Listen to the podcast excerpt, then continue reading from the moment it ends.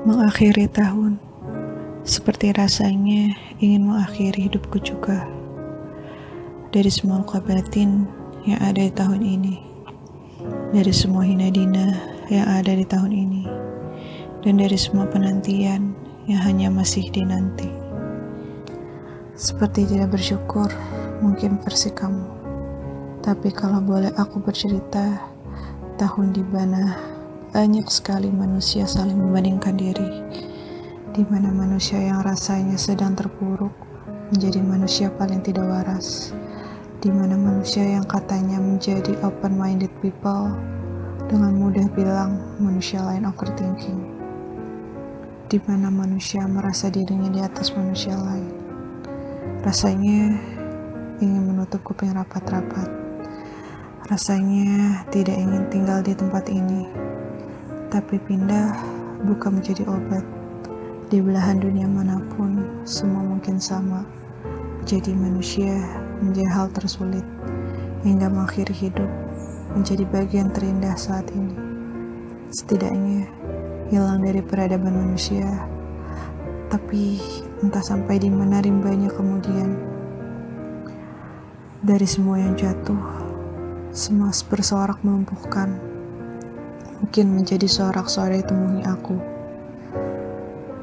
Bertahan di 365 hari sudah paling bisa aku lakukan. Tidak mengakhiri hidupku dengan kisah duka namaku di batu nisan. Atau mungkin sesekali hanya berusaha menyakiti diri yang ternyata tidak diizinkan Tuhan. Menutup tahun, bukan menutup atau bahkan membuka lembaran baru. Karena bagiku, tidak ada tahun yang baru, hanya hari yang baru setiap hari untuk bisa tumbuh menjadi manusia utuh, menyembuhkan luka, berdiri kokoh dengan kedua kaki, padahal manusia lain berusaha melumpuhkan dengan hina, dengan prediksi mereka tentang aku. Rasanya capek, rasanya sepi, melewati sendiri. Hanya aku yang sekarang aku yang dulu dan aku yang besok. Untuk yang merayakan tahun baru, ada sebuah pesan.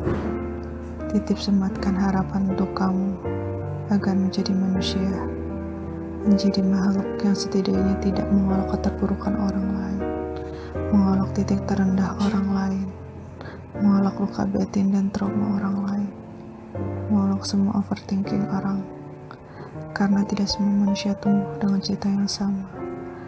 Ada aku atau mereka atau kamu yang harus tumbuh dari hidup yang tidak baik-baik saja. Kalau kamu sudah hidup baik jangan melukai orang lain dengan menolak yang lain. Karena setiap hari bahkan setiap detik adalah bentuk perjuangan hidup. Untuk tumbuh dan baik-baik saja. Setidaknya untuk hari itu tetap menjadi manusia yang bisa berfungsi seperti manusia seperti kamu yang kata kamu selalu baik dan menjaganya agar tetap baik. Kontemplasi surat untuk kamu yang merayakan tahun baru. Terima kasih.